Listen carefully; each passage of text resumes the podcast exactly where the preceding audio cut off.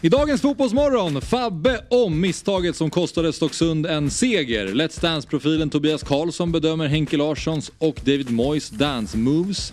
Direktrapportering från Strandvallen och Sweden Rock där Iron Maiden medverkat i en superhemlig fotbollsmatch. Dessutom gästas vi av den ljuvlige Olof Lund som diskuterar Saudiarabiens miljardsatsning på fotboll och stjärnspelare. Jag, Axel Insulander, Jesper Hoffman, Robin Berglund, Myggan och Fabian Ahlstrand önskar er en god lyssning och givetvis en mycket trevlig helg. Fotbollsmorgon presenteras i samarbete med Oddset, betting online och i butik. Telia, samla sporten på ett ställe och få bättre pris.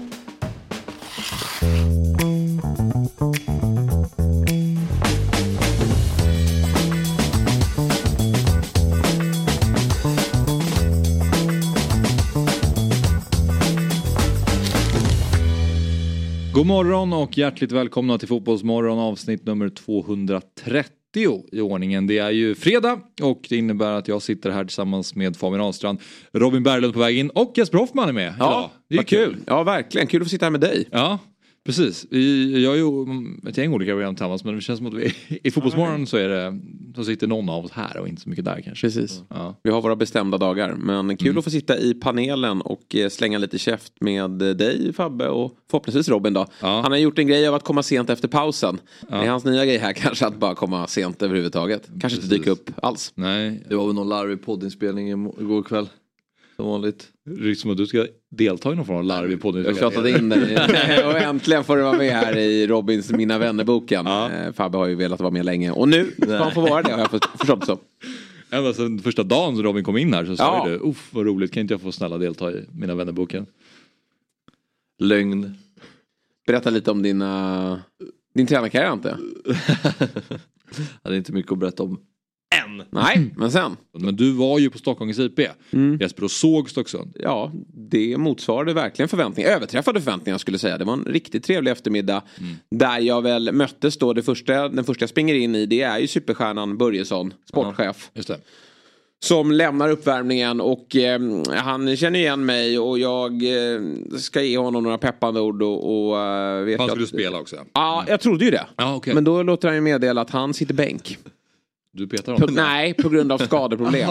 Han eh, kan knappt gå säger han. han. testar Och jag bara oj då, det här var ju inte bra. Nej, och vi har fått eh, flera eh, andra avbräck under, under f- förmiddagarna också eftersom det har varit lite studentfester och annat. Sjukdomar hade de eh, ringt in sig. Eh, det var anledningen Ja, till under att de inte Det skulle var vara med. stress Ja. Men eh, jaha, tänkte jag, det här blir ju fruktansvärt jobbigt. Det här blir nästan underhållande då. För nu kommer de möta C-ledarna Rotebro här och kommer att få smaka. Men vi tar plats på läktaren där och matchen drar igång.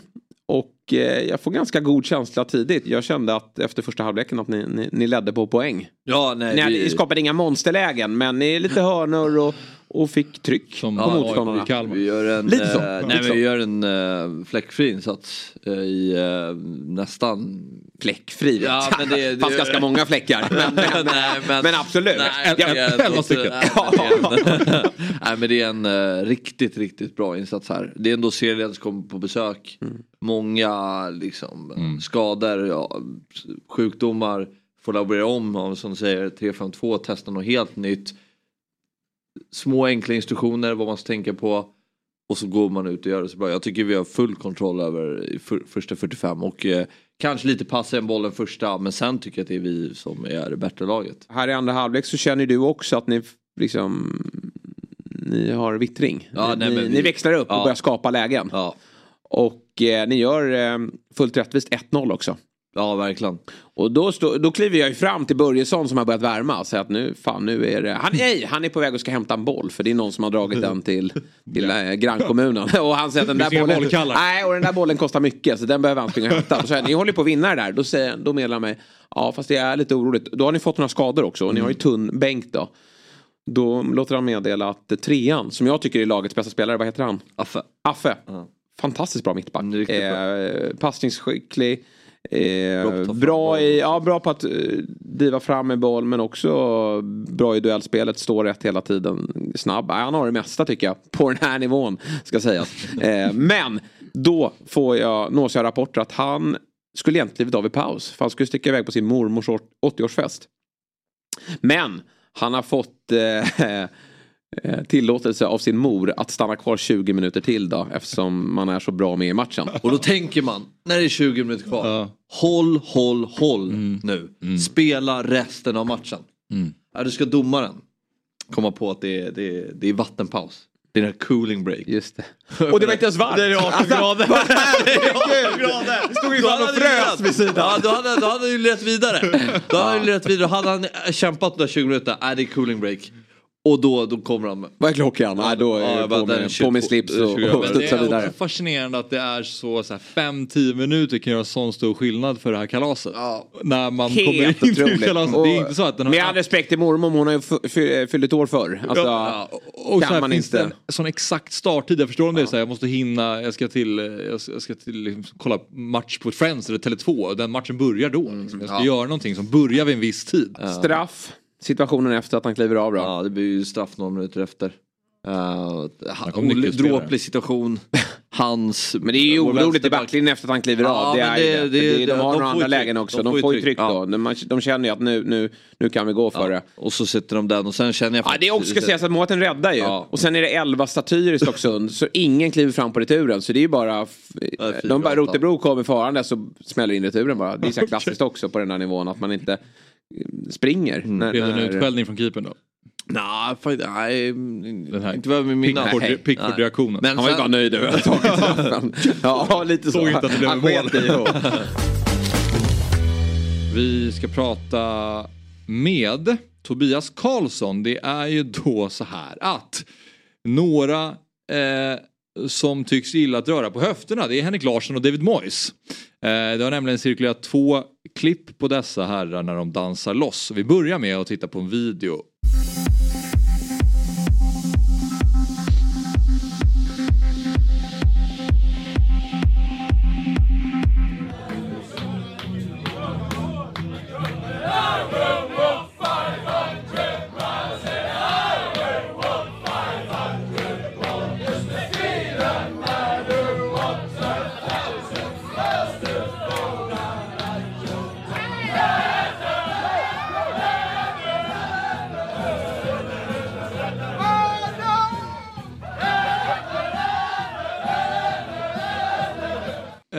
Så ser det ut. Eh, och vad stiliga Jordan och Henke var där när de gick vid poolen. Men det var ju två olika typer av danser. Vi ska ju prata med experten här. Men vi hade ju David Moyes med lite fuldans. Vilket ju någonstans alltid är charmigt. I synnerhet då när man firar någonting som Moyes verkligen gör här. Hans första titel som, som tränare. Men eh, Larsson, eh, Farson Larsson, det var ju lite mer eh, riktig dans. Alltså där så, såg man ju movesen. Där, jag tyckte det där såg lovande ut. Ja, nej, och, men David Moyes fuldans men ändå inlevelsefullt på något sätt. Han kände som att han, han trivdes i det där. Men vi måste ju höra med experten och då säger vi god morgon och eh, varmt välkommen till Fotbollsmorgon, Tobias Karlsson. Ja men så sjukt trevligt att vara med i Fotbollsmorgon. Jag har liksom lyssnat på er nu några, några minuter och det är som nostalgitripp för mig. Bara, det är som här grabbarna hemma i Hallsberg pratar Arsenal och Tottenham och Messi och det är så här bara! Ah! Det är helt sjukt. ja, men eh, Tobbe, vi, vi kastar oss in i dansens värld då här. Eh, om vi börjar med eh, pappa och son Larsson. Vad säger du om, eh, om deras dansmoves? Ja, men jag vet att jag, jag vet, jag har ju kämpat i åravis för att få med Henke Larsson i Let's Dance. Alltså han har ju sagt nej och nej, eller nej och nej och nej. Eh, men men, eh, men eh, han, han märker ju direkt att han har det i sig. Jag vet inte, vad det är med er fotbollskillar. Ni har det verkligen i kroppen. Alltså, det ligger liksom latent och bara väntar på att få spricka ut.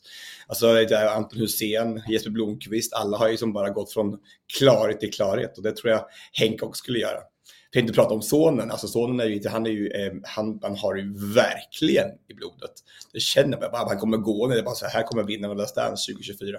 Och jag tror faktiskt, det är Jordan då, han är ju fortfarande aktiv och har ju eh, ja, rätt många år kvar i karriären. Men jag, jag känns som att han har, eh, han vågar bjuda på sig själv lite mer än, än vad Henke har gjort. Han är ju lite mer tillbakadragen Henke Larsson och, och jag tror att det är som sagt svårt för, för er att få in honom i Let's Dance. Även om det hade kanske varit ett av de största namnen någonsin att få in där. Men jag tror ni ska börja jobba på, på, på Jordan när, när karriären är över. För, för dels så ser det ju väldigt bra ut men dels så tror jag att han, han har lättare att tacka ja. Man ska, man ska aldrig säga aldrig, vet du bara. Patrik Sjöberg har sagt att han ska aldrig någonsin göra Let's Dance. Ska aldrig någonsin någonsin göra Let's Dance. Men oh, hur mycket pengar får jag? Ja, då gör jag det. Och så hade han ju så sjukt kul liksom. Så det är alltså, det, man ska aldrig säga, jag tror Henke också, han har, han, han vill gärna, men han har liksom inte vågat än. Så att jag tror att han, eh, vi tar honom först så kan vi ta Jordan. Ja, coolt det vore. Mm. Ja. Men går det på den här korta, korta snutten du såg här Tobias, då går det att analysera någonting? Eh, vad, finns det någonting eh, hos eh, Larssons? Ja, alltså självklart. Jag, jag, tror att det, alltså Henke Larsson är lite som Charlotte Kalla. Jag menar, menar inte gravid såklart, det är han ju inte. Men, men, men, men, som, han har ju liksom det inne, det ligger liksom och, och pyr där inne. Och så har han ju som alla andra idrottare en, sån här, en, en, eh, en mentalitet och han, har ju, han vet vad som ska till med, i träningslokalen för att göra det riktigt, riktigt bra. Och med den där, den där, de där höfterna så han kommer att, han kommer att och, eh, skärma svenska folket framför allt och kommer få sjukt mycket röster. Du har ju dansat med Kalla i år va? Så är det väl? Ja. Eh, det måste ändå vara, eh, ni, ni, får ju en ny dansare, en kändis varje år. Det måste väl ändå vara drömlotten att få en gammal eh, idrottsstjärna. Just med det du säger då, att de har eh, karaktären men också fysiken att orka. Ja, men det är något speciellt. Alltså jag, jag älskar, jag har ju dansat med Tina Turner, eh, mm. rallykartläsaren. Liksom jag dansar med, med eh, Magdalena Forsberg och med Charlotte Kalla och de har ju ett psyke som inte, som inte är av denna värld. Att komma in i samma rum som Charlotte Kalla är ju som att man förstår, this is, I mean the presence of greatness. Alltså det här är ju någonting, ett, ett, ett verk, ett verktyg, en maskin som bara är, är gjord för att träna och göra det så bra som möjligt. Så att det var en ynnest verkligen. Och väldigt tydligt kan jag tänka mig att de vill vinna också. Det är, jag tror att många är med där bara för att det är, ja, men dels få betalt och att det är en kul grej och, och kanske lära sig dansa. Men, men det måste väl också finnas en, en vilja att vinna. Ja, men alltså de har ju hela, hela deras vuxna liv har gått ut på att ta medalj. Alltså så att det är ingenting annat, ingenting längre lämnas åt slumpen och, och, och ha på ett sånt sånt stycke att jobba med är helt makalöst. Det är som att få en, en, så här, en, en, en kolbit som man vet är en diamant i, i, vilket sammanhang som helst. Jag tänker att både som Jordan nu också är och som Henke var när han var yngre. Och så här, det här är ju någonting som vi vet kommer bli bra om de får rätta möjligheterna. Men det lottas vem ni får alltså? Innan? Ja, mer eller mindre. Alltså, mm. Det handlar lite om, om, längd och så här också. Jo, jo. Man ska, ska, lite så också. Så att jag har inte bara haft tur, jag har rätt längd. om vi kollar på den, den, där andra videon då med David Moyes, vad säger du om hans dansfärdigheter? Mm. Ja, här har vi, vi har ju en, eh, det är mer det är ju mer armar här. Alltså här är, han, det, det, det, han har kanske lite svårare att koordinera vet du, underkropp och överkropp. Men, men, eh, men, men glädjen kan man ju inte ta fel på. Alltså det är ju, man, man ser ju att här, är det, här kommer det från hjärtat verkligen och då, då är dans som allra, allra bäst. Men tror du med Mojs här då, vem är den sämsta ni har haft med i Let's Dance? Det är, är det Lasse Brandeby eller när han satte sig på stolen där och vägrade? Ja, han, han, hade ju, han var ju lite småsjuk då. Alltså, Just det, så var det. Ja.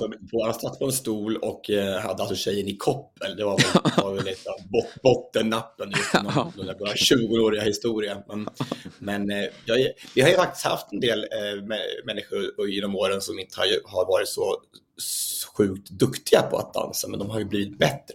Så, men eh, vi har haft mycket bra människor och framförallt fotbollskillarna har ju varit helt fenomenala faktiskt. Vilka är det ni har haft? Uh, Glenn Hysén? Ja, Hysén och Jesper. Glenn var väl inte helt, ungefär som här med, man, man ser ju att, att Jordan är bättre än sin pappa på att dansa, det ser man direkt här. Och det var samma sak i Hussein-familjen, att ja. Anton var något bättre än pappa. ja, eh, för att Jesper Blomqvist vann ju också. Ja, ja. Eh, Gjorde inte Anders Svensson också det? Trea. Tobbe mm. Trea. Trea. Mm. Och du har vunnit Tobbe också 2008. Med Tina Nordström. Äh, ja, precis. Hon är ju inte idrottstjej, så att hon, är, hon, är ju, hon är ju kock. Så att mm. eh, man kan tydligen vinna Let's Dance fast man inte är idrottare. Det är fantastiskt. Mm. Men eh, när du ser det här, det låter som att du tänker att Henke har större chans att vinna än eh, David Moyes i dagsläget. Man ska aldrig säga aldrig, vet du. Det här är ju inte bara en, en danstävling, det, också, det handlar också om popularitet. Så att, jag vet inte hur många West Hammare som finns där ute i Sverige. Nej, du måste ha lite karisma. Ja, han har ju även varit i Manchester United, eh, som är ju en större klubb. Ja. Men där gick det ju inte lika bra, ska sägas. Jag vet inte riktigt hur, hur omtyckt han är i, i United hos United-supportrarna. Men det är klart att he- mot, om han skulle ställa sin duell mot Henke Larsson. Då, då blir det ju tufft i Sverige i alla fall. Men i, borta i England då så kanske om de ställer upp i den engelska upplagan då, då har nog, ah det är tveksamt. Larsson var ju bra för United också så att det, där blir det tuffare. Har du några övriga ref- reflektioner när du ser på de här eh, filmerna, Tobbe?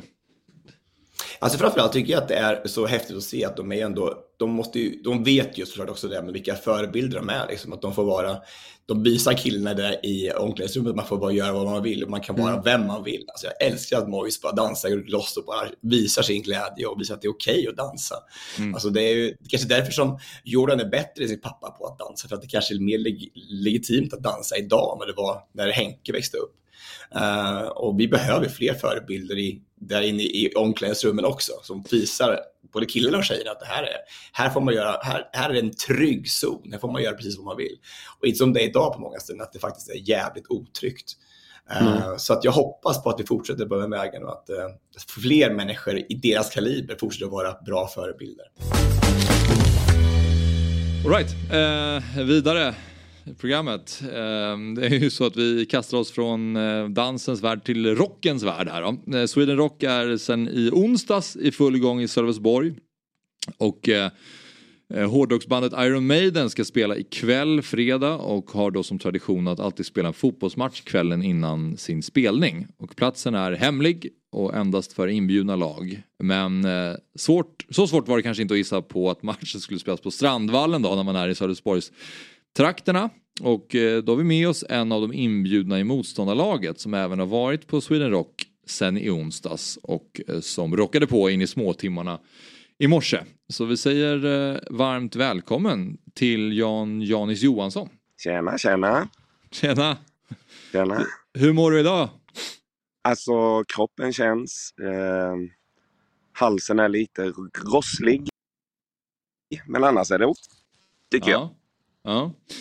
Men du får berätta om den här matchen när ni eh, spelade mot Iron Maiden. Ja, det, det jag har ju egentligen med eh, en kompis som blev ansvarig för det här laget och uttagningarna. Eh, så han drog ihop ett gäng med blandade människor ifrån, där ja, snygg bild. Mm. Eh, och det var ju lite hysch här i, har varit det nu ett par veckor och, och lite sådär. Men eh, som sagt, det var väldigt, väldigt eh, välskött. Det var inmarsch och det var domare och eh, fjärdedomare och eh, ja. Och de är rätt seriösa, så de vill ju verkligen eh, eh vinna de här matcherna eh, faktiskt. Nu hade vi några lite yngre människor med i vårt lag som gjorde att i halvlek stod det 3-0 till oss. Och då helt plötsligt dyker det upp tre A-lagsspelare från Mjällby och hoppar in i deras i andra halvlek. Då blev det jobbigt. Vilka var det? Eh, vad heter han? Eh, Daniel Lövqvist heter han. Ja, just det. Löken Absolut. Löken. Spelat i Parma. Löken kallade jag, precis. Han är ju, han är ju jätte, han är ju, det är ju en riktig klassspelare. Ja. Och sen var det deras, eh, en av deras målvakter som spelade Mm. ute. Noel Törnqvist ja. Var han med på Ja. plan? ja. Ja. Och Ja. Jesper Gustafsson. Just det. Stämmer, helt rätt. Det är, annars, det är ju en häftig story att kunna säga att man har mött hälften Iron Maiden, hälften Mjällbys A-lag utan, utan vader. Ja, precis. Var det störst? Nej då, men det var jätteroligt. Det var roligast. Eh, eh, Det var jävligt roligt faktiskt. men, men Just att det hur, var så bra upplagt. ja, vad har du för eh, relation till Iron Maiden då? Hur stort var det för dig att få ställas mot dem på fotbollsplan? Ja, det är ju... Om man, om man eh, ska ta det liksom så, så är det ju liksom bandet man började lyssna på när man var... Ja, det är ju början på 80-talet. Är ju, vad var man då? 12 år, 13? Eh, så de har, ju, de har ju alltid funnits med. Kanske mer de tidiga eh, skivorna då än eh, de senare då. Så det, det ska ju bli häftigt att se ikväll. Jag har sett dem någon gång innan på, i Ullevi och, och någon gång i Stockholm också innan. Så att, nej, det blir häftigt.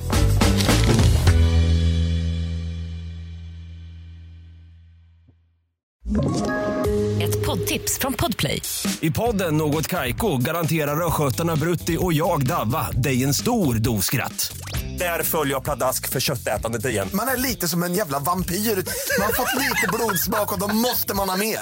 Udda spaningar, fängslande anekdoter och en och annan arg rant. Jag måste ha mitt kaffe på morgonen för annars är jag ingen trevlig människa. Då är du ingen trevlig människa, punkt. Något Kaiko, hör du på Podplay. Därför är gardinerna. Dags att prata lite eh, speltips. Ja. Och eh, du har fått ta fram en trippel Myggan. Mm, helgens eh, trippel.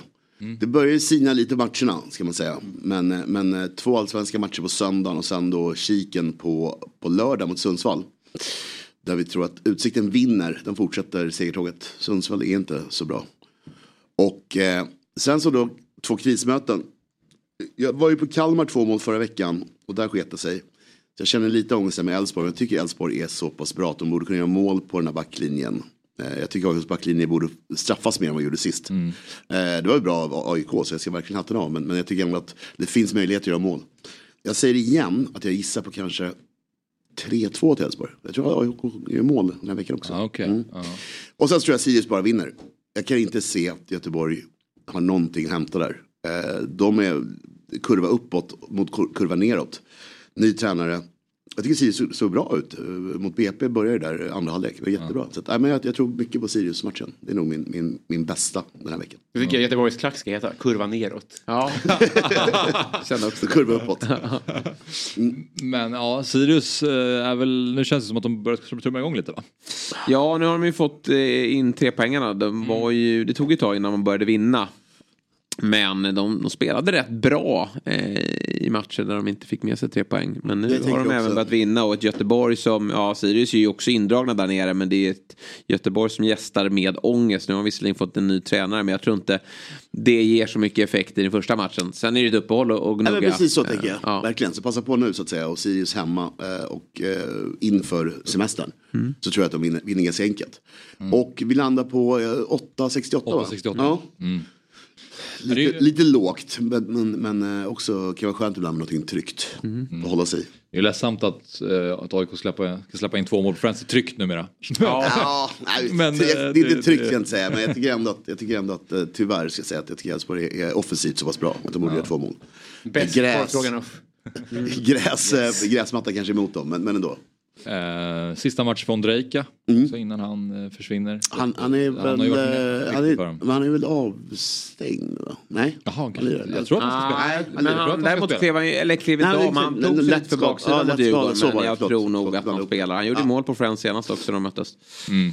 Han släcker nog Gnaget. Ja, nej, men, som sagt, de, de har gjort mycket mål Elfsborg fram tills eh, förra matchen. Och även ett annat lag som också man kan lira tycker jag. Det är ju Häcken är också sådär ett snitt som är väldigt högt just nu. Så där fanns det också en chans att lira över 2,5 mål tänkte jag först. Men jag tog Elfsborg istället. Men kul att matcherna sinar. Någon match på lördag är det väl ändå också. Ja, lördag, men lördag söndag är okej. Men sen är, det, sen är det ju då eh, paus, eh, Janne. Och då är det väl Nations League nästa vecka vi sitter och pillar på.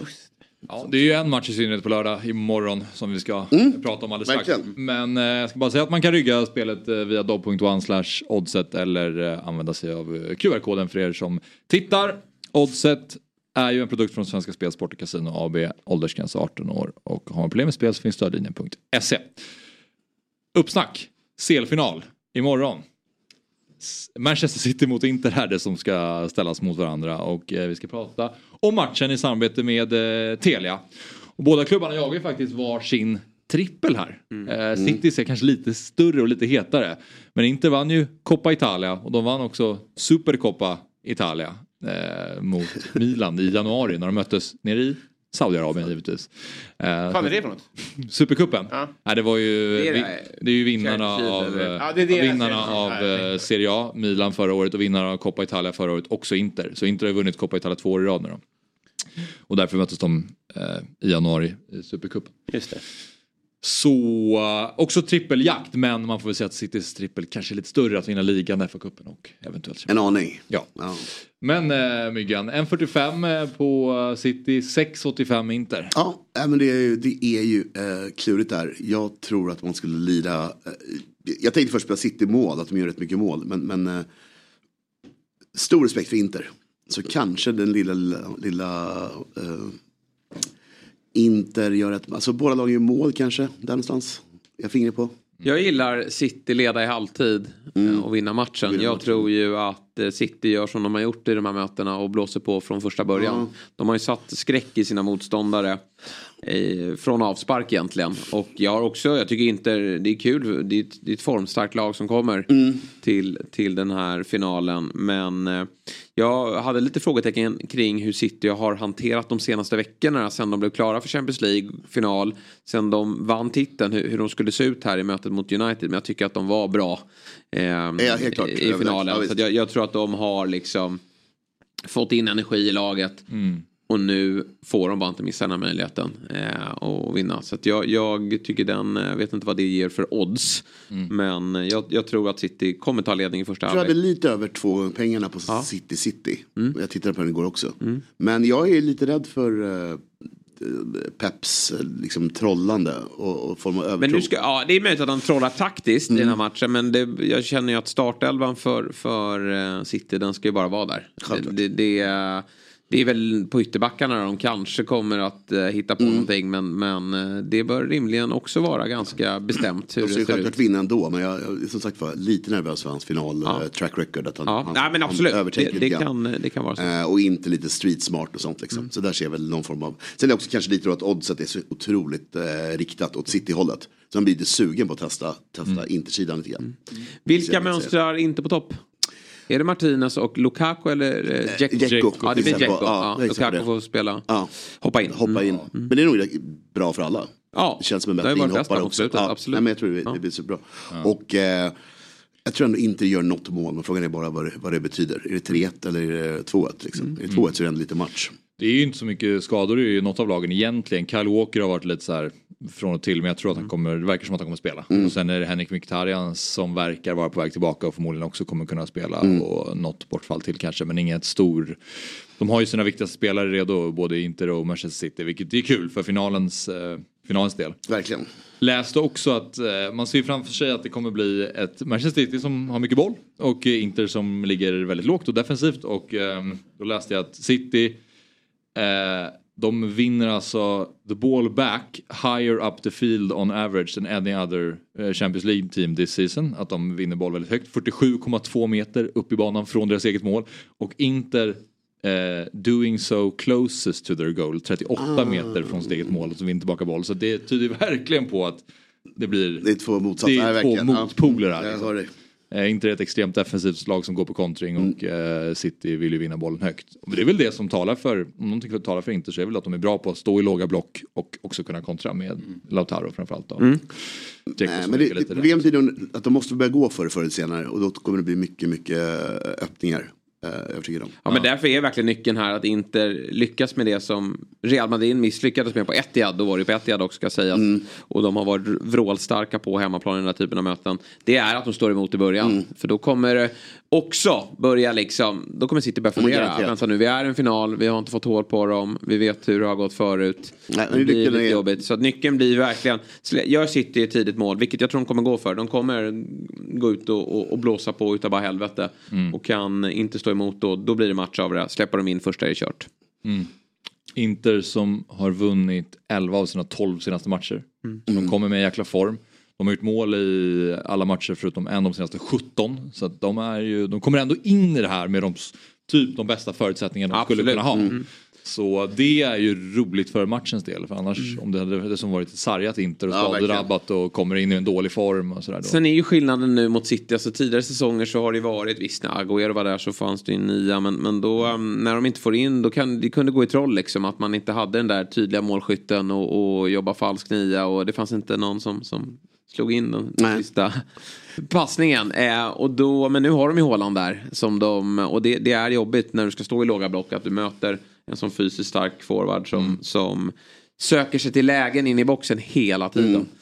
Men är det något lag som ska greja det så, så är det väl inte då eftersom de är duktiga på att försvara så. Har det varit någon mer ojämn Champions League-final på länge? Kan inte minnas det. Nej.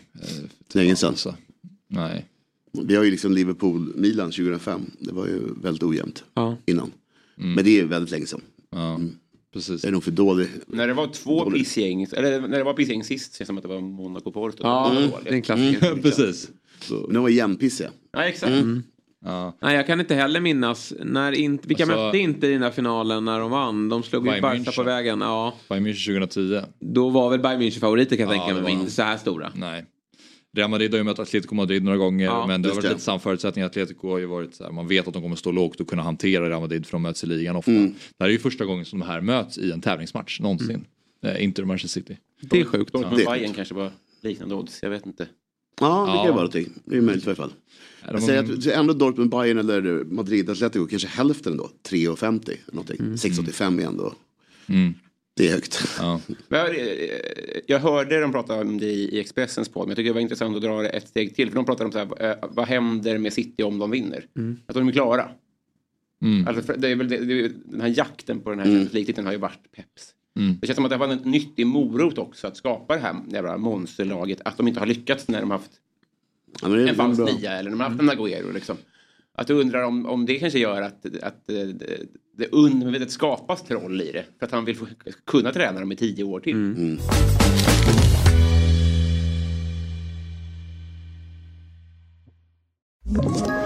Ett poddtips från Podplay.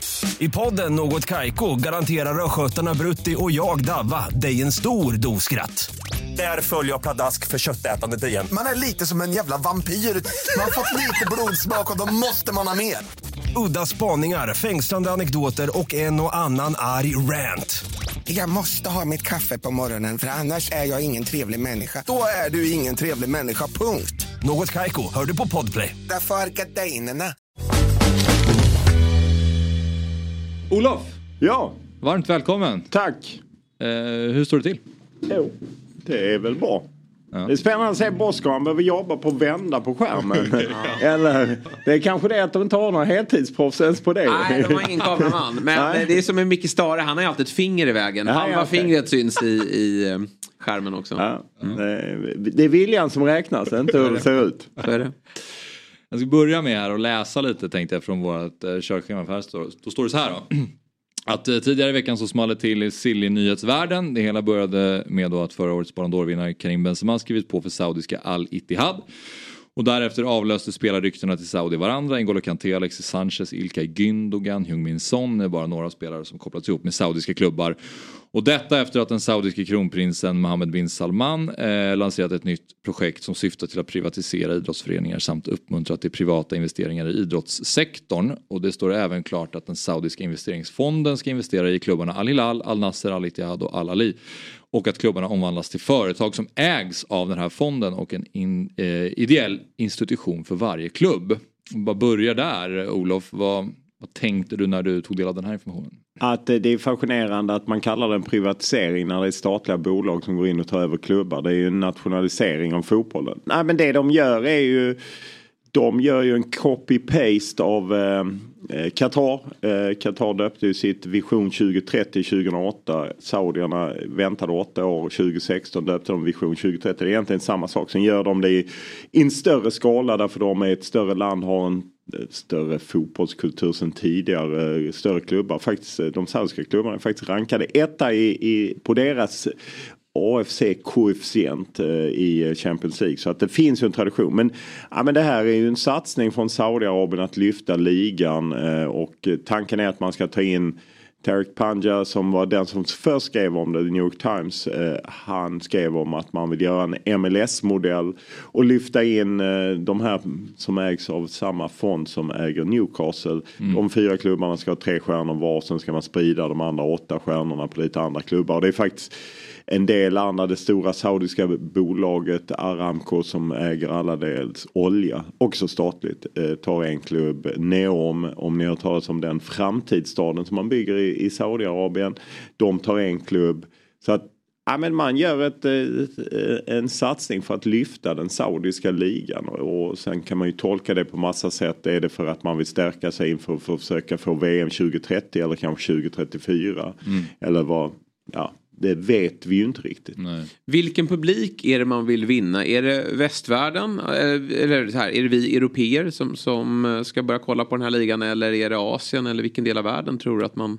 Jag tror att man vill höja liksom eh, totalt sett globalt. Eh, att man har ju sett att, eh, jag tror inte någon köpte rättigheterna till den saudiska ligan i större utsträckning innan Ronaldo kom dit. Efter det så blev det ju plötsligt en intressant liga. För en del vill följa Ronaldo. Tar man dit många fler kärn, stjärnor så kanske möjligt. Sen tror jag att man har svårt att se att det ska slå i Europa utan det är nog mer globalt och det Mm. handlar väl om att signalera. Man får ett visst inflytande genom att pumpa in alla de här pengarna. Precis, alltså det liknar väldigt mycket Kina som för de som minns när Hulk gick dit och eh, det Oscar från Oscar och eh, Fellaini och det var ju massa. Svennis var där som tränare och, och liknande. De gjorde en liknande satsning sen och det berodde ju på att deras president, han som fortfarande är president, Xi Jinping. Han älskar fotboll, han vill göra Kina till en stormakt men han tröttnade ju på att det inte blev någon riktig effekt så han har ju stoppat mycket av satsningarna därför har de kommit av sig i Kina. Det kan säkert hända i Saudi också. Jag kan misstänka att kronprinsen eh, det, det rullar på så länge man tycker att det är bra. De tappar ju sin VD. De hade ju en VD från England, Gary Cook, som var i Manchester City tidigare och Nike och så. Han var ju inköpt som VD men han la av nu redan efter fem månader. Men det är uppenbart att det finns mycket pengar. Eh, de vill göra ett avtryck på, eh, i fotbollen i världen och det gör de. Hur hård smäll tror du det var för dem att Messi tackade nej här och gick till MLS? Det tror jag definitivt var en tuff smäll och det är ju svårt att ignorera ir- ironin i att han eh, gör reklam för Visit Ja, Saudi mm. men han vill inte bo i landet. Nej, Eh, det, det är problematiskt. Ja, det är problematiskt. Jag menar, det stämmer summorna att han var erbjuden 17 miljarder i något eh, paket. Så, och han sa ju själv i den intervjun där han pratade om att han väljer att gå till Inter Miami att eh, det var, fanns mycket mer pengar på andra ställen. Sen tror jag inte han kommer gå lottlös när han flyttar till USA heller. Jag tycker det är intressant det här jämförelsen med, med Kina och med tidigare satsningar. Jag, jag, jag, jag, känner bara sånt, eh, det, pojken som ropar varg situation. Att, att det är hela tiden att folk ska slå på så himla stora trummor med superligan. De fick VM i Qatar och det var piss såklart. Men det var så, alltså, Beckenbauer och Pelé var ju i kosmos. Det var väl samma tonläge då tänker jag. Att folk ska vara så här. Nu är fotbollen slut. Nu plockar de våra bästa spelare och det utarmas och sånt där. Hur farligt? Alltså, Fast det är ju inte ingen som påstår att de plockar de bästa spelarna. gjorde inte ens New Cosmos. Pelé kom ju från, han var ju redan pensionerad. Sen spelade, tog han upp karriären igen. Ja. Jag tror ingen ser att eh, Karim Benzema eller Cristiano Ronaldo eller ens Messi jag menar, det är ju när de rider iväg i skymningen som de i så fall gör det i Saudi. Det hotet finns ju inte. Utan det här tror jag mer ser att eh, att det finns så våldsamt mycket pengar och att de här människorna vill komma in och påverka idrotten indirekt eh, genom att liksom få positioner och komma med sponsorskap. Och det är ju inte svårt att se, kolla på golfen, det är ju svårt att inte dra parallellerna. För er som följer golfen så skedde ju, ja, alla moders eh, omsvängningar när eh, PGA-touren plötsligt hittade ihop med den här eh, Live Golf som är finansierad av samma eh, investment fund, PFF, Public Investment Fund i Saudiarabien. Och de plötsligt ska samarbeta när man för eh, ett år sedan sa att liksom eh, de som ens närmar sig Live-touren eh, de ska ut och jag menar Svenska Golfförbundet kastade ut Henrik Sten som är huvudet före. Nu står ju Svenska Golfförbundet med liksom en tvättad hals och tittar på PGA-touren plötsligt jobbar. Och även DP World Tour som är det sexiga namnet på Europatouren. DP ett bolag från Dubai apropå ironin då. Eh, så att det gör ju att genom sina enorma pengar så får de ju sånt inflytande. Så jag tror att rädslan är inte att några fotbollsspelare avslutar sin karriär i Saudiarabien. Rädslan är att Saudiarabien köper sig så mycket makt i alla möjliga institutioner. Precis som Qatar har gjort. Jag menar, du har en Qatar i Uefas exekutivkommitté. Du har en Qatar som är ordförande för European Club Association. eh, Nasser Al-Khelaifi från eh, PSG. Eh, Som dessutom köpt massa rättigheter. Det är klart alla lyssnar på honom. Och då är man ju naturligtvis kanske en del människor är rädda för vad kommer nu när Saudi flyttar fram sina positioner och skickar in så här mycket pengar. För pengar styr. Till och med PGA-touren kan svänga på ett år. Men undrar också när de ska satsa, det gör de säkert. Men den inhemska fotbollen, nu var ju Saudiarabien med i VM. Men det är väl också att många av de asiatiska lagen har lite lättare väg än europeiska lagen.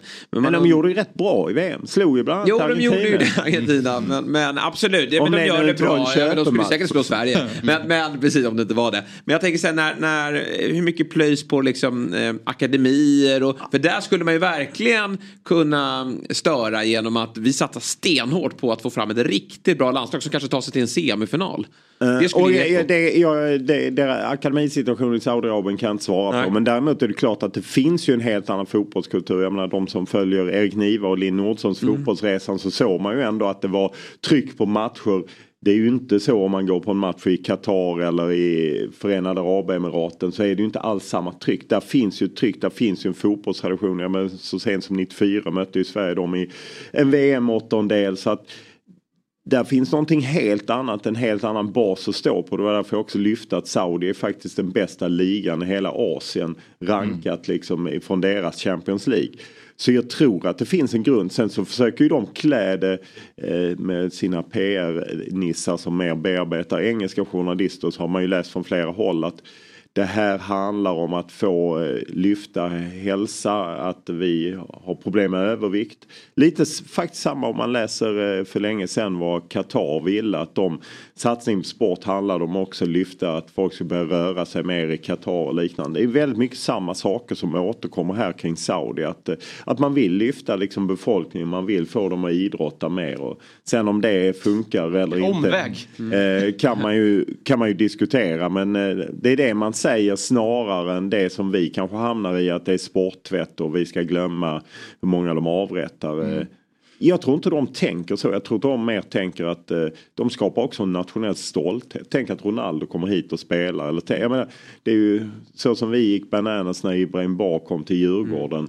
Ta det gånger tusen för när Ronaldo kommer och spelar där. Benzema kommer dit och spelar. Det är klart att det ger ett avtryck. Jag tror också som att det finns någon form av bara rastlöshet i de här makthavarna. Om det är som du sa med Xi Jinping då att han väljer att satsa i Kina och sen funkar det inte så som han vill och tycker att äh, det, blev inte, det blev inte lika kul som jag hade hoppats. Ja, Då, då, då, då släcker vi ner den här satsningen om att det känns som att de Saudi tycker att det är kul och bara vi plockar in dem för vi har stålarna, vi har resurserna. Ja, och skillnaden mellan Saudi är ju faktiskt att eh, de, eh, även om de kallar det en privatisering så är det ju lite ett förstatligande av, av proffsligan eftersom det är statliga bolag. I Kina var det ju mycket, där släppte man ju loss kapitalismen i början av 2000-talet och där lät man ju liksom privata människor satsa pengar och sen så tröttnade Xi Jinping på dem så det är därför han liksom stoppat. Vi har sett alla klubbar eh, i Europa som hade kinesiska ägare som plötsligt fick problem med pengar. Inte minst eh, morgondagens Champions League-lag. Inter har ju kinesiska ägare har problem. De har ju försökt sälja klubben i ett och ett halvt år. Till och med svenska riskkapitalbolaget EQT var ju inne och tittade på det. Så att det är ju mer att han, Xi Jinping, då tröttnade han. Då fick man inte ta ut några pengar från Kina längre och eh, ja, de där som äger eh, Inter, de, de vann ju, Suning tror jag det laget hette. De vann ju i kinesiska ligan så la de ner laget tre månader senare för att de fick inte satsa pengar på det mer. Så ja, det finns likheter men också Okej. olikheter mellan Kina och eh, men det är rastlösa ledare, det tror jag också. Men Jag, alltså jag, jag, håll, jag fattar ju eh, vad du säger om att det är folk som rider ut i... Vad sa du? I skymningen? I skymningen. Nej, men- Det fattar jag. Men om, och nu är de ju norr om 30-årsgränsen på alla som det ryktas om. Men om de kliver under, skulle du tro att det är ett rejält hot att de utarmar och tar de bästa spelarna? För det är inte så långt kvar nu. Jag vet inte, Mahrez är väl inte svingammal? Nej, fast det, det, där kanske det finns så. Mares är ju... eh, Ja, han kanske vill spela där, att det finns liksom kopplingar till Mellanöstern, arabvärlden. Eh, Han har uppnått mycket i Manchester City, vinner de dessutom Champions League så har han varit med och vunnit allt så att säga. Eh, Då får man ju en sista chans. Jag har svårt att se att inom kor, på kort horisont att de attraktivaste spelarna i Europa skulle välja att spela i Saudiska ligan för att spela i asiatiska Champions League kontra att spela i Europa. Oavsett hur mycket pengar Man kanske tappar en eller två spelare. Men på det stora hela så kommer inte de... Det är inte så att de har det svårt att gå. Jag, jag tror också att den generationen som nu slår sig in här, alltså vi pratar om de som är ja, 00-talet, liksom, de, de lever ju fortfarande med de här drömmarna som vi hade när vi var små, att få vinna de stora titlarna. Det märkte vi på, på Ludvig Åberg här nu som eh, slår igenom på, på um, PGA Tour nu, eh, som är svensk och eh, gjorde sin första start igår av- med kortet. Han tackade nej eh, för att han vill ju uppnå, eh, liksom, vinna de stora tävlingarna och han vet att går han till liv så kommer han ju få svårt att få spela majors framöver. Så att det är, förhoppningsvis så har den yngre generationen fortfarande, men sen vet man ju inte vad nästa generation tänker och tycker. Liksom. Nej precis, men jag delar din uppfattning. På kort sikt så tror jag inte det finns något hot. Jag tror hotet snarare att de köper de någon mer klubb. Eh, hur tar de sig in i Uefa, Fifa? Jag tror mer där är liksom att, att deras pengar är så stora att de kommer få ett inflytande. De vill helt enkelt köpa sig ett inflytande. De vill vara med och bestämma. Det kanske har varit större statement om Jude Bellingham väljer att gå till Ja, Al Ittihad istället för att gå till Real Madrid. Eh, istället för att Benzema eller Messi eller Ronaldo gör det som du säger som ändå är på väg utför. De, man, de tappar ju ändå lite sina karriärer. Men enligt El Mundo så planerar ju Saudi att spendera runt 20 miljarder dollar under de kommande två åren för att attrahera storspelare till ligan. Ehm, och vad, med de här extrema ekonomiska musklerna, vad, vad tänker du Olof om, om framtiden? Alltså, kommer fotbollskartan eh, ritas om nu? Eller vad, vad ser du framför dig? Nej, det är ju jättesvårt. Eh, lite tack kommer det ju bli och det är klart att om de skulle liksom gå, skulle de få VM 2030, vilket jag jag tror att de ändå får svårt för 2030 men jag kan ha fel. För jag tror att Sydamerika har ett jättestarkt bud. Eh, med, det är hundra år sedan Uruguay hade det. Uruguay har gått ihop med Argentina och Chile och något land till i Sydamerika. Eller så är det det här då med Marocko, Spanien, Portugal. Eh, jag tror att de har svårt där men vem vet. Eh, jag tror det är väl där vi kommer att se den första omritningen snarare än... För mig låter det lite, ja, lite korkat att lägga så mycket pengar på Karim Benzema. Eller, alltså, jag undrar, får man verkligen eh, mest ut av det? Men eh, de har säkert haft eh, dyra konsulter som har hjälpt dem att räkna på det här. Men jag tror som sagt inte att så många av de bästa spelarna kommer att välja dit. Utan det kommer vara mer spelare som gör ett sista ryck. Har varit de bästa. Det, Ja. Det, som hade varit, det som skulle vara oroväckande det är ju om unga pojkar och flickor springer runt med tröjor från de klubbarna. Eh, det, det har man ju fortfarande aldrig sett. Att, Men- att, det känns som att man har sett någon Ronaldo. så här Al Nasser, Ronaldo tröja kanske. Men det är ju Ja, det är väldigt sällsynt skulle jag nog ändå säga att det händer. Sen har de väl fortfarande intressen också i den europeiska fotbollen eftersom de äger så många klubbar. Alltså Newcastle här senast och... Ja, nej, och framförallt Newcastle är, är, ju, är ju det som är och, och hon, de verkar ju vara centrala. Hon, Amanda Stavley är väl Just hon det. som hjälpte Piff köpa klubben. Hon ska ju varit central även när de då Public Investment Fund hittade ihop med PGA och eh, så att eh, ja, vi får väl se. Det är, man vill ju gärna ha svar men eh, ibland så finns det ju inga svar för att man inte riktigt vet. Och för mig låter det liksom bara vräka ut så här mycket pengar på Karim Benzema eller N'Golo Kanté eller Jag, jag har svårt att säga att man kan räkna hem den investeringen och att det ska ge sån effekt. Men det är klart att, jag menar vi sitter ju här och pratar om saudiska ligan. Det hade Ja, vi ja. inte gjort för, ja vi gjorde ju lite med Ronaldo men det blir ju en annan nivå och de har ju fått enormt genomslag medialt senaste veckan med den här satsningen. Så det är klart att vi får ju upp ögonen för det men jag tror att det är svårt att säga att jag kommer ratta in saudiska ligan och kolla. Nej, jag, jag kommer aldrig kolla det på en match. Men däremot så kom, klickar man ju faktiskt på länkarna. Alltså Ronaldo gjorde, han gjorde väl fyra mål där i någon match. Man, man klickar ju faktiskt in på den länken. Och, och det, bara det är väl någonting som de eh, är nöjda med liksom. Om du var prinsen då och hade 200 miljarder dollar och inte köpte Benzema, vad, vad hade du gjort med pengarna om du ville stärka Nej, nej men jag hade nog pratat mer om liksom akademier och mer kanske jobba på det sättet. Mer kanske ta dit tränare. Att liksom jobba på längre sikt. Sen fattar jag att han har inte det tålamodet. Men jag tror att man hade kunnat göra mycket mer om man hade investerat det i- på ett annat sätt. Och kanske tagit dit några spelare. Men liksom jag tror inte att Karim Benzema behöver en miljard om året eh, eller 1,2 miljarder om året eller de summorna som han erbjöd Messi. Det blir ju nästan ja, det är, jag, jag fattar, jag tror inte man kan räkna hem det, sen räknar de på ett annat sätt. Men jag hade investerat mer i den lokala fotbollen på, något- på ett annat sätt. Mm. Men eh, det, gillade den, eh, eller gillade, stört, men alltså, när man köper folk till sitt landslag, då, är inte det effektivare? Då får man ju den här nationella stoltheten. Ryssland har väl, det är väl många som har blivit ryssar och var det inte Qatars handbollslandslag? Ja, handbollshallen, Inte men det är ju jättesvårt i fotbollen. Alltså det är ju faktiskt det enda Fifa har gjort mot Qatar när de ju i två omgångar eh, stramade åt regelverket så att de just inte kunde göra. Qatar hade väl fyra av spelarna var väl Qatar i handbollslandslaget. De spelade väl nästan inte alls då när de tog VM-silver 2015. Då var det ryssar och spanjorer och så. Det går inte att göra i fotbollen. Nej. På samma sätt. Nej. Då måste de, de hade ju många som var utlandsfödda men det var ju dels för att deras föräldrar var migrantarbetare och sen hade de i den här satsningen som heter Aspire Academy där de öppnade akademier i, i rätt fattiga länder och de som var bäst fick eh, träna upp sig i, eh, i Qatar. Ja, där ser vi Benzema. Han trivs med pengarna. Ja, det är ju ofattbart. En miljard om året. Ja, precis. Drygt. Mm. Skulle du göra med de pengarna Jesper? Ja, nej, men det är ju, man kan ju liksom inte hänga dem allt för högt. Alltså det, det är eh, an, liksom, antingen så slutar man. Det är klart, han har ju ett år till kvar i Real Madrid. Det hade han ju kunnat göra på, på, på, på ett bra sätt. Men eh, när, när eh, de hör av sig med den pengachecken, det är, det är lättare sagt än gjort Det tacka nej.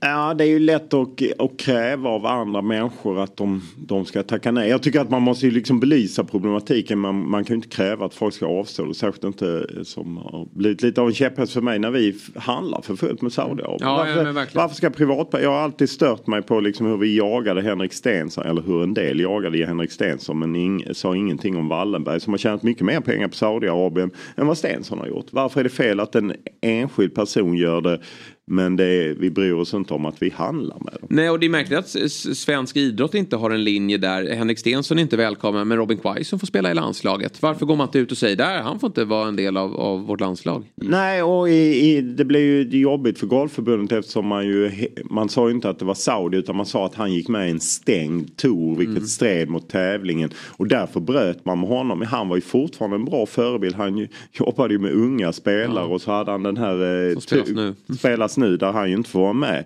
Samtidigt så hade eh, Golfförbundet ett betalt samarbete med eh, Viaplay som då var det första bolaget i hela världen som började sända Live Golf. De har slutat. Men då för ett år sedan, när man, eller drygt knappt år sedan när man bröt. Ja men man kan ju inte, vi tar de pengarna, det tycker vi är okej. men Stensson ska ut. Och nu ser de ju helt, eh, vad ska Golfförbundet göra nu? Ja, nej, nu är det väldigt spännande att se hur de hanterar hela situationen. Ja, för att han har ju betytt så otroligt mycket för svensk golf Ja. och eh, enda majorvinnaren och sådär. Och, ja, det är helt Men det, det som är imponerande med då Ludvig Åberg utan att fastna i golfen för mycket är ju att när han tackade nej till Live-touren så var han ju också en amatör college-spelare. Så att även om han var talangfull och det verkade ju här, att han skulle få spela PGA-touren i framtiden. Det var väl troligt. Men han hade ju ingen inkomst där och då. Medan andra unga fotbollsspelare vet ju att det räcker med att jag spelar i i en hyfsad europeisk toppliga så kommer tjäna väldigt mycket pengar. Mm. Eh, så Åberg var väl lite större risk skulle jag säga när man ändå får så mycket pengar på bordet eh, och tackar nej. Men det är intressant det du tar upp med liksom att eh, jag vet att Kasper Jonman, Danmarks fotbollsförbundskapten efterlyste just att dansk idrott skulle ta liksom ett grepp kring de här frågorna eftersom de är så svåra. Att, att RF då i Sverige, Riksidrottsförbundet, borde kanske ta ett grepp. Liksom. Ja. Hur, hur ska vi hantera det eller ska vi faktiskt säga att vi kan inte lägga det trycket på individuella idrottare att de ska avstå. eh, Ja, jag vet inte, det är en otroligt svår fråga men jag tycker att det hade varit intressant att lyfta det precis som du tar upp att, eh, att det borde finnas något för. Det blir konstigt att vi jagar ut eh, Stensson men det är ju en massa fotbollsspelare som spelar i Saudiarabien. Ja, och vi har ju, var går gränsen? Jerebko här nu också i, i Ryssland som, som har fått ett tydligt och bestämt nej. Ja precis, där kanske går en gräns att Ja, man går där- till ett krigförande land. eh, Ja, ja, att, nej, jag- eh, jag- att Jerebko inte själv greppar det är ändå lite förvånande. det får man. Mm. Men Robin, du hade ju en tanke om hur Saudi skulle jobba för att få en större publik. Alltså, det bara slår mig hela tiden. Jag refererade till den här innebandystraffen som kommer från MLS på 90-talet. Som folk, är- folk är galna i det där, hur knasigt det ska vara. Att man inte väljer att ta något sånt grepp. Att I våran liga så erbjuder vi något festligt. Alltså det, att det inte bara är en vanlig fotbollsliga med några avdankade spelare utan det är någon annan regel. Eller att det är något annat. Vi, vi kör eh, tre gånger eh, 25 här. Eller testa er fram. Ni har ju för fan De är så gamla de här gubbarna som kommer så vi drar ner på Du speltiden. ska ju tjäna skitmycket på Ja. det. Mycket mer bistro från Ronaldo om man orkar spela ner match. Mm. Liksom. Ah, nej, och det, det, det hade varit ett smart grepp. Sen tror jag att Det man... är inte det eh, de vill, de vill ju vara en del av allt va? Ja, precis. Och sen så tror jag också att USA har sånt jävla försteg för hela världen tittar på USA alltid. Vi tittar inte på Saudiarabien så mycket och gör vi det så är det mest negativa sidor. Jag tror, alltså, vi följer inte flö- det saudiska nyhetsflödet är rätt litet i våra filterbubblor. Du kanske är ett undantag. Men... Skit, om vi skulle komma fram till det nu, vi börjar med innebandystraffar, då hade det blivit fler artiklar. Jag tycker bara, om jag skulle, om jag var saudisk prins, skulle jag tänka mer så än att värva Mahrez. Mm. Ja. Om man vill eh, generera klick. Ja, det blir ännu mer som vi snackade om innan lite grann. Åt jippohållet snarare än om man pratar satsar på akademier och försöker skapa någon form av seriös motpol i Saudi så går de ju åt andra hållet. Ja.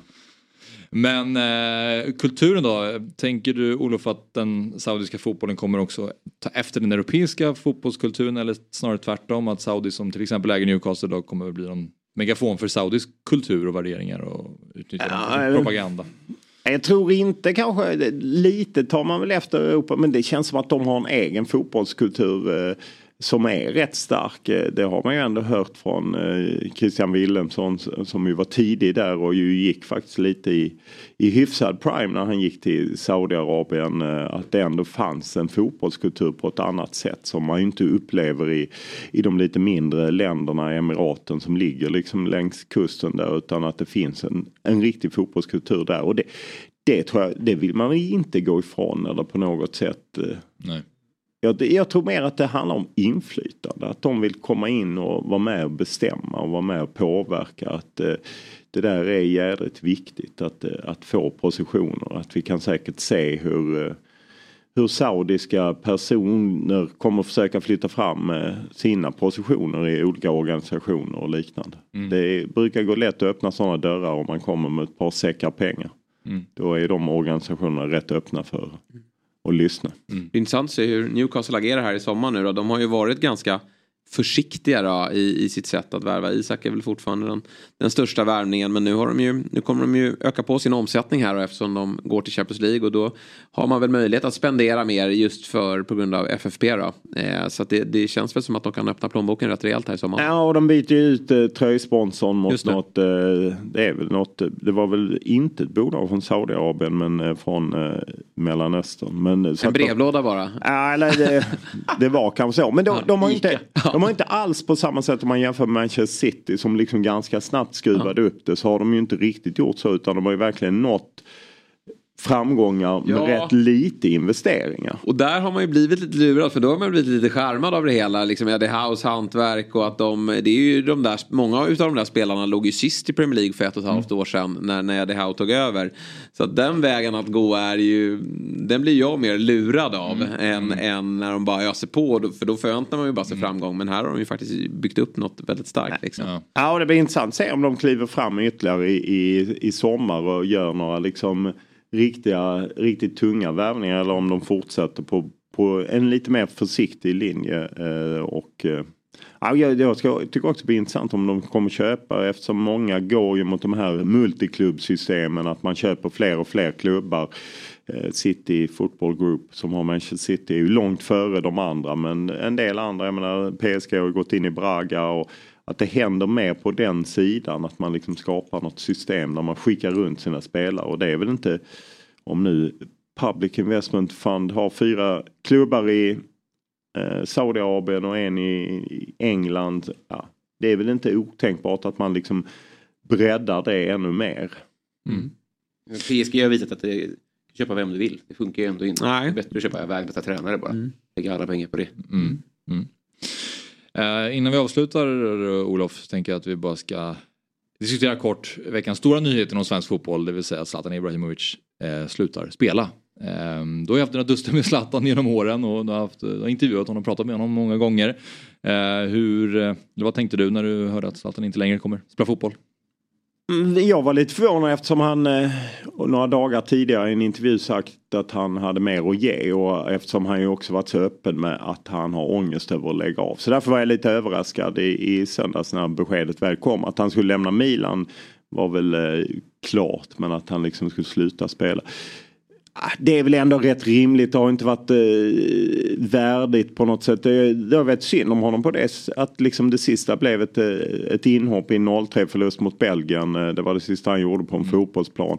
Eh, Det blev långt från det. Sluta på topp som han ju själv alltid pratat om att han ska sluta på topp. Det är ju otroligt svårt att sluta på topp. eh, För när vet man det? Och eh, det blev ju ändå en fin inramning med, med ett Milan som han ju verkligen hjälpt de här tre och ett halvt åren han har varit där. Och jag menar, han är ju en, kanske den största förklaringen till att de faktiskt vann ligan och nådde Champions League och liksom studsade tillbaka igen. Så att han, det var väl nära på topp. Men det känns väl rätt rimligt att, än att han ska hålla på med de här försöken hela tiden. Att han slutar. Mm. Eh, På den presskonferensen där eh, i samband med den landslagssamlingen, det var, var det i mars, Eh, det var inte jättelänge sedan. Då fick han ju många frågor om så här, men hur länge kommer det hålla på som man får regelbundet de här senaste, sista åren och då lät det ju ändå på honom upplevde jag som att så, här, men jag, så länge jag har kvar att ge så precis som du säger, då, så här, han kommer hålla på i tre år till. Han kommer aldrig sluta för att han älskar fotbollen så mycket och så besatt. Så det var för mig blev det också lite överraskande. Jag vet inte om ni upplevde samma, att man tänkte att han ändå skulle fortsätta försöka trumma på. Nej men när de här. Monza-ryktena dök upp så kändes det ganska givet att han, med Berlusconi-kopplingen att han, Mm. att han skulle gå dit. Men nu har han ju en kropp eh, som är, han är ju tung liksom. Och har passerat 40 och, och då vet man ju hur det funkar. Det, det är svårt att när, när en skada, för han har ju haft skadeproblem också ska sägas, ända sedan korsbandsskadan i, United. Så har ju det följts av andra skador och då, då blir det svårt att hålla hålla ihop. Det är väl lite synd tycker jag att han inte meddelade tidigare. Det, det var jag besviken på. Att han inte kunde släppa det under måndagen. Så man fick ju en vecka på sig att börja snacka upp matchen och att man var, att man var redo. Jag, jag, låg, jag såg inte avtackningen. Det tror jag inte många gjorde och de som, eh, ja, jag såg att någon i Expressen sågade vår sändning. Eh, och ja, det var inte så att Expressen drog på. Nej. Ikväll lägger Zlatan av. Eh, om, om de hade haft den känslan, att, för det var ju ingen tror jag, eftersom han själv var citerad i Gazettan Sport att jag har mer att ge, jag har anbud från Monza, det är nära och så. så att, jag tycker också det var jättesynd att man inte gjorde det, varför höll man det hemligt istället för att faktiskt kunna ge honom en rejäl avtackning. Det hade varit otroligt häftigt ju, Ja. eh, att, att kunna göra. Så jag, på det sättet var jag förvånad i det korta perspektivet. Sen var det väl på ett sätt skönt för att ja, han har inte, det har inte varit kul. Jag med, blev skadad på en uppvärmning var ju det sista, det var ju närmast han kom. Och det måste ju varit otroligt slitsamt och jobbigt hela det här sista året där han liksom kämpat, kämpat efter den knäskadan. Men han ville väl dra undan mattan och göra det på sitt sätt. Vad- vad min känsla. Att, att, att, här- det läckte ut bilder på det här goodbye typ. Men för- utöver det så var det väl hans plan att hålla det. Han sa ju själv att han inte ens varit till sin familj. Ja, det ryktades ju lite om det innan att det kan bli assist och sådär men Alltså, jag jag måste säga att väl, var gjorde det? För jag väldigt lite. Jag, snarare var det ju att han skulle lämna Milan. Ja, ja. Det var ju vinkeln liksom och att just att han bara några dagar innan i en intervju sa att ja, jag är inte klar. Då fanns det ju ingen, med tanke på allt han har sagt de senaste åren så fanns det ju ingen han var anledning inte tro. supertydlig när han stod där framme heller. Nej. Inte ens kommentatorerna eh, snappade upp det till 100% för det var otydligt. Det jag, tror var inte, otydligt. jag tror inte de på läktarna, alltså, med tanke på att de var, hade så mycket känslor, jag tror inte de förstod allt han sa där nere utan de eh, kanske konstaterade när de kom hem sen att det, det var nog ett avslut i fotboll. Och sen blev det ju ännu tydligare med, med presskonferensen och allt det. Så att lite var det ju ändå så att inte så att hela fotbollsvärlden visste att nu lägger han skorna Mm. på hyllan. Det handlade ju mer om Milan-avskedet. Men tror, var Monza på riktigt eller var det bara en fint? Nej, jag- använda en klubb så. Men jag tror att eh, han eh, bestämde väl sig efter sista bakslaget här nu. Eller liksom i rehab-träningen att fan det går ju inte. Nej, han gjorde väl ett sista försök att komma tillbaka till den sista matchen och så Ja. gick inte det och då kände han kanske att det var finito och så ja, ska jag liksom ta klivet ner till Monza. Ja, det där vet man inte riktigt hur han eh, funderar men Monza måste ju ha funnits så det är klart att han hade kunnat skrämma fram andra alternativ om han hade velat. Mm. Om man hade velat spela så hade det alltid funnits någon som hade velat satsa på dem. Men jag, samtidigt var det väl rätt att, att sluta i, i det här läget. Men Jag, bara, jag har en, du som möter honom i mediesammanhang så mycket. Eh, För jag, jag, jag har alltid tänkt på honom som här, den unga Zlatan, den här eh, skrattande och livfulla och sånt där. Och sen den som har varit på senare tider han har varit mer barsk och det har varit lejon. Och Nu, nu, för nu gör jag en väldigt enkel version av det. Men så, så finns det sådana här klipp som när han spelar tv-spel mot sin son. Det är väl under PSG-tiden. Där det känns som att det är gamla Zlatan. Alltså när han är, han är jävla spjuver. Han är liksom det här busiga och roliga. Är det, eh, om du förstår frågan, så att han har ett, ett, ett jag med media och ett som han är bakom kulisserna? Så har väl de flesta, det tror jag inte är unikt för. Zlatan, att om man går upp och sätter sig så i olika presssammanhang eh, så har man väl en sida och det beror väl också på hur det har gått och, och liknande. Men jag tycker alltid den spjuversidan, jag tyckte det fanns även där när han gav en passning till Hellas Veronas supportrar, den lite spjuveraktiga sidan finns väl nästan alltid. Sen kanske inte alla skämt flyger. Jag tror det var lite skämt det här med Qatar 10 poäng. Att han tyckte Mm. ja, spjuver eller provocera eller retas. Eh, det har väl alltid funnits. Så jag, jag tror alltid han har haft eh, minst två sidor. De flesta människor har väl fler. Mm. Ja.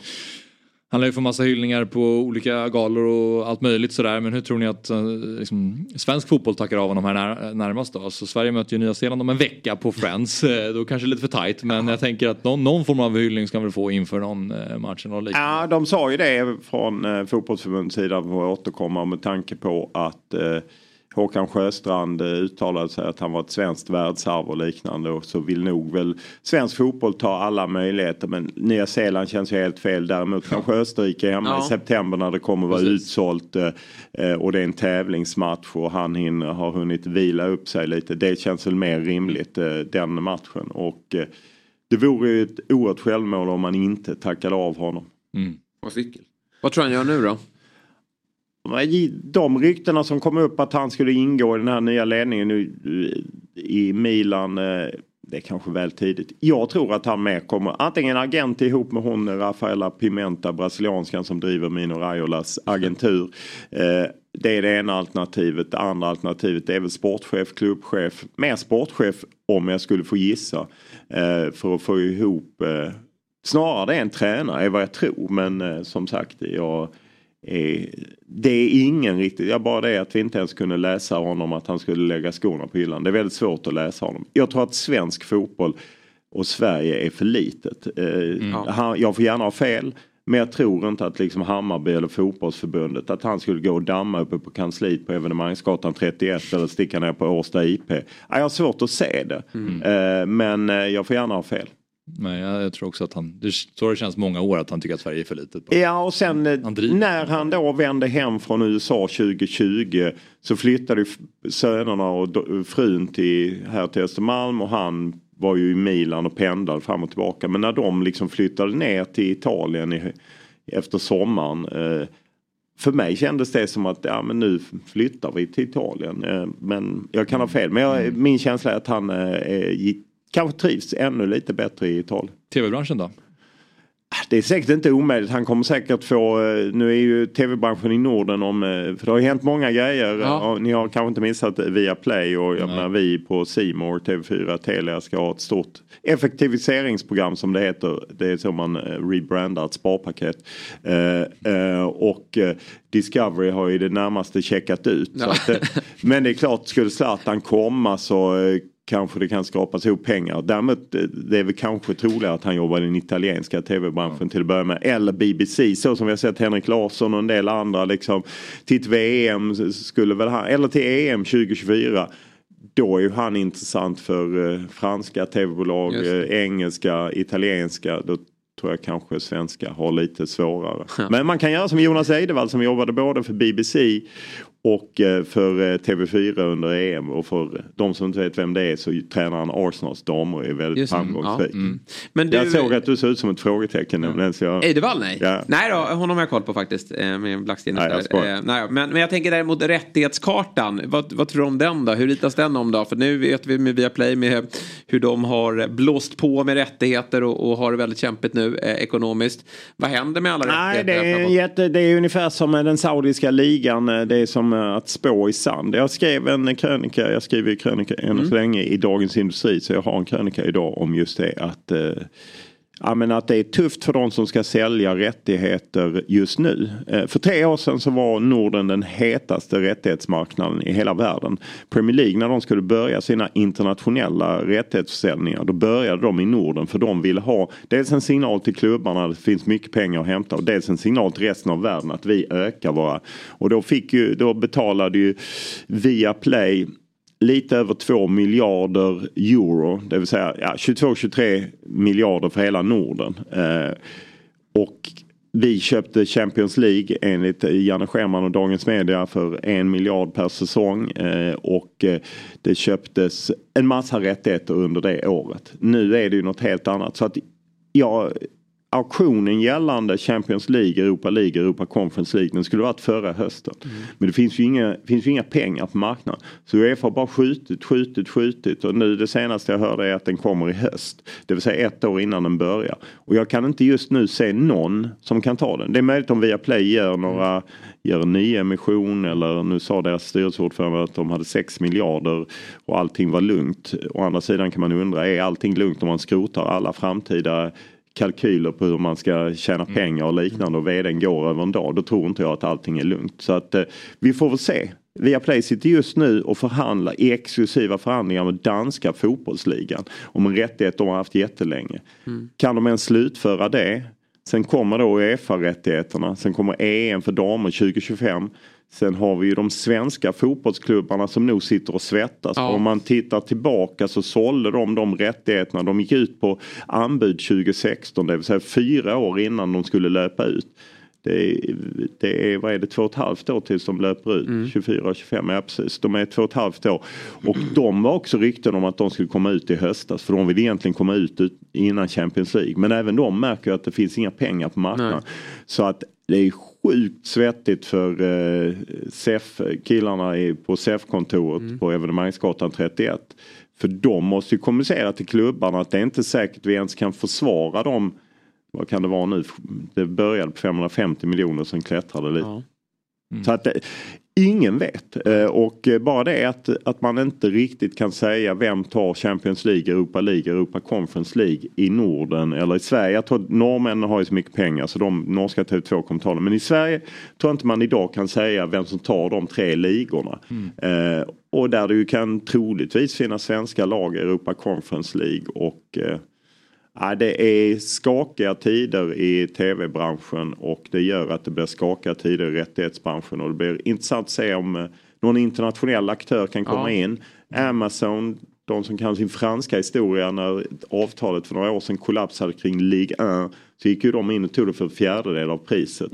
Eh, och de är ju rätt aktiva i Norden nu men jag tror att de mer kanske hellre hade haft en nordisk rättighet. Så att, ja, vi, Men som konsument, går det att en, en rättighet inte säljs överhuvudtaget? Kan det vara att, att svenska tv-tittare står utan? Alltså i teorin är det klart att eh, sen kommer de säkert lösa det. Eh, De kan kanske lösa någonting att eh, de gör en deal med någon aktör om att vi tar alla intäkter. Om ni distribuerar det. Någon sån lösning kan säkert dyka upp. Jag tror att de vill nog nå ut. Problemet för Uefa är ju att de som minns Superligan så lovade Uefa att vi ska höja intäkterna för eh, Champions League. Så Nasser den här eh, Qatarien, han och Cheferin var själv med när de körde tre upphandlingar av agenter som skulle sälja rättigheterna. Och eh, team som var med och grundade Champions League de fick fortsatt förtroende i Europa och de har ju lovat Uefa mer pengar.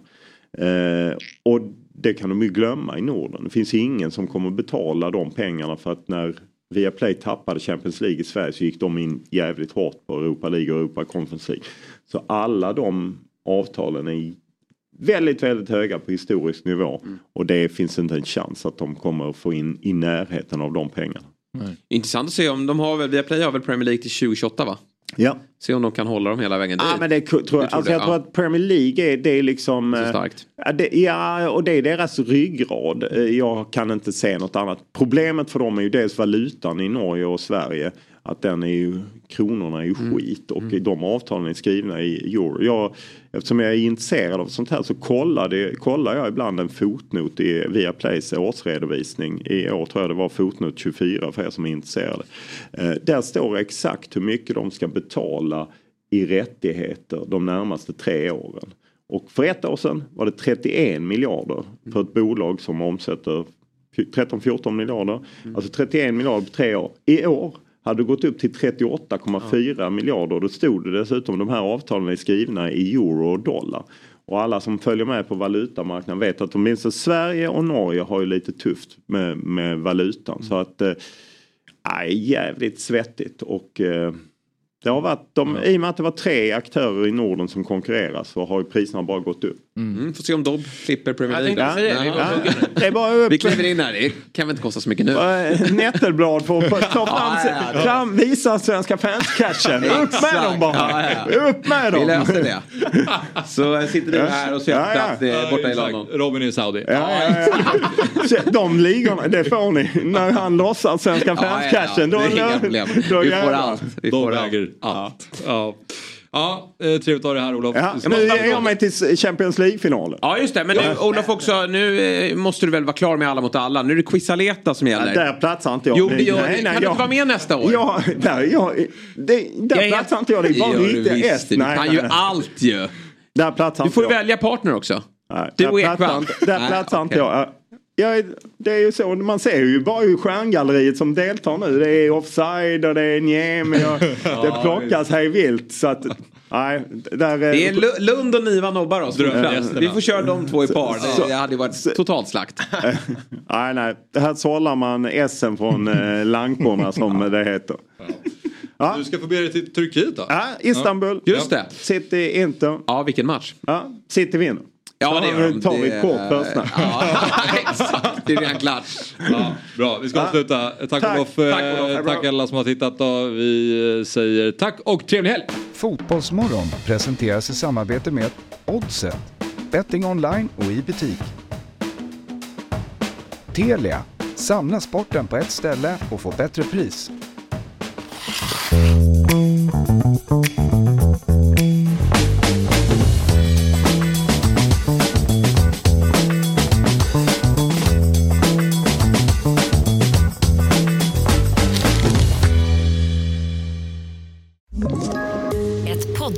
Från Podplay. I fallen jag aldrig glömmer djupdyker Hasse Aro i arbetet bakom några av Sveriges mest uppseendeväckande brottsutredningar. Går vi in med hemlig telefonavlyssning och, och då upplever vi att vi får en total förändring av hans beteende. Vad är det som händer nu? Vem är det som läcker? Och så säger han att jag är kriminell, jag har varit kriminell i hela mitt liv men att mörda ett barn, där går min gräns. Nya säsongen av Fallen jag aldrig glömmer på Podplay.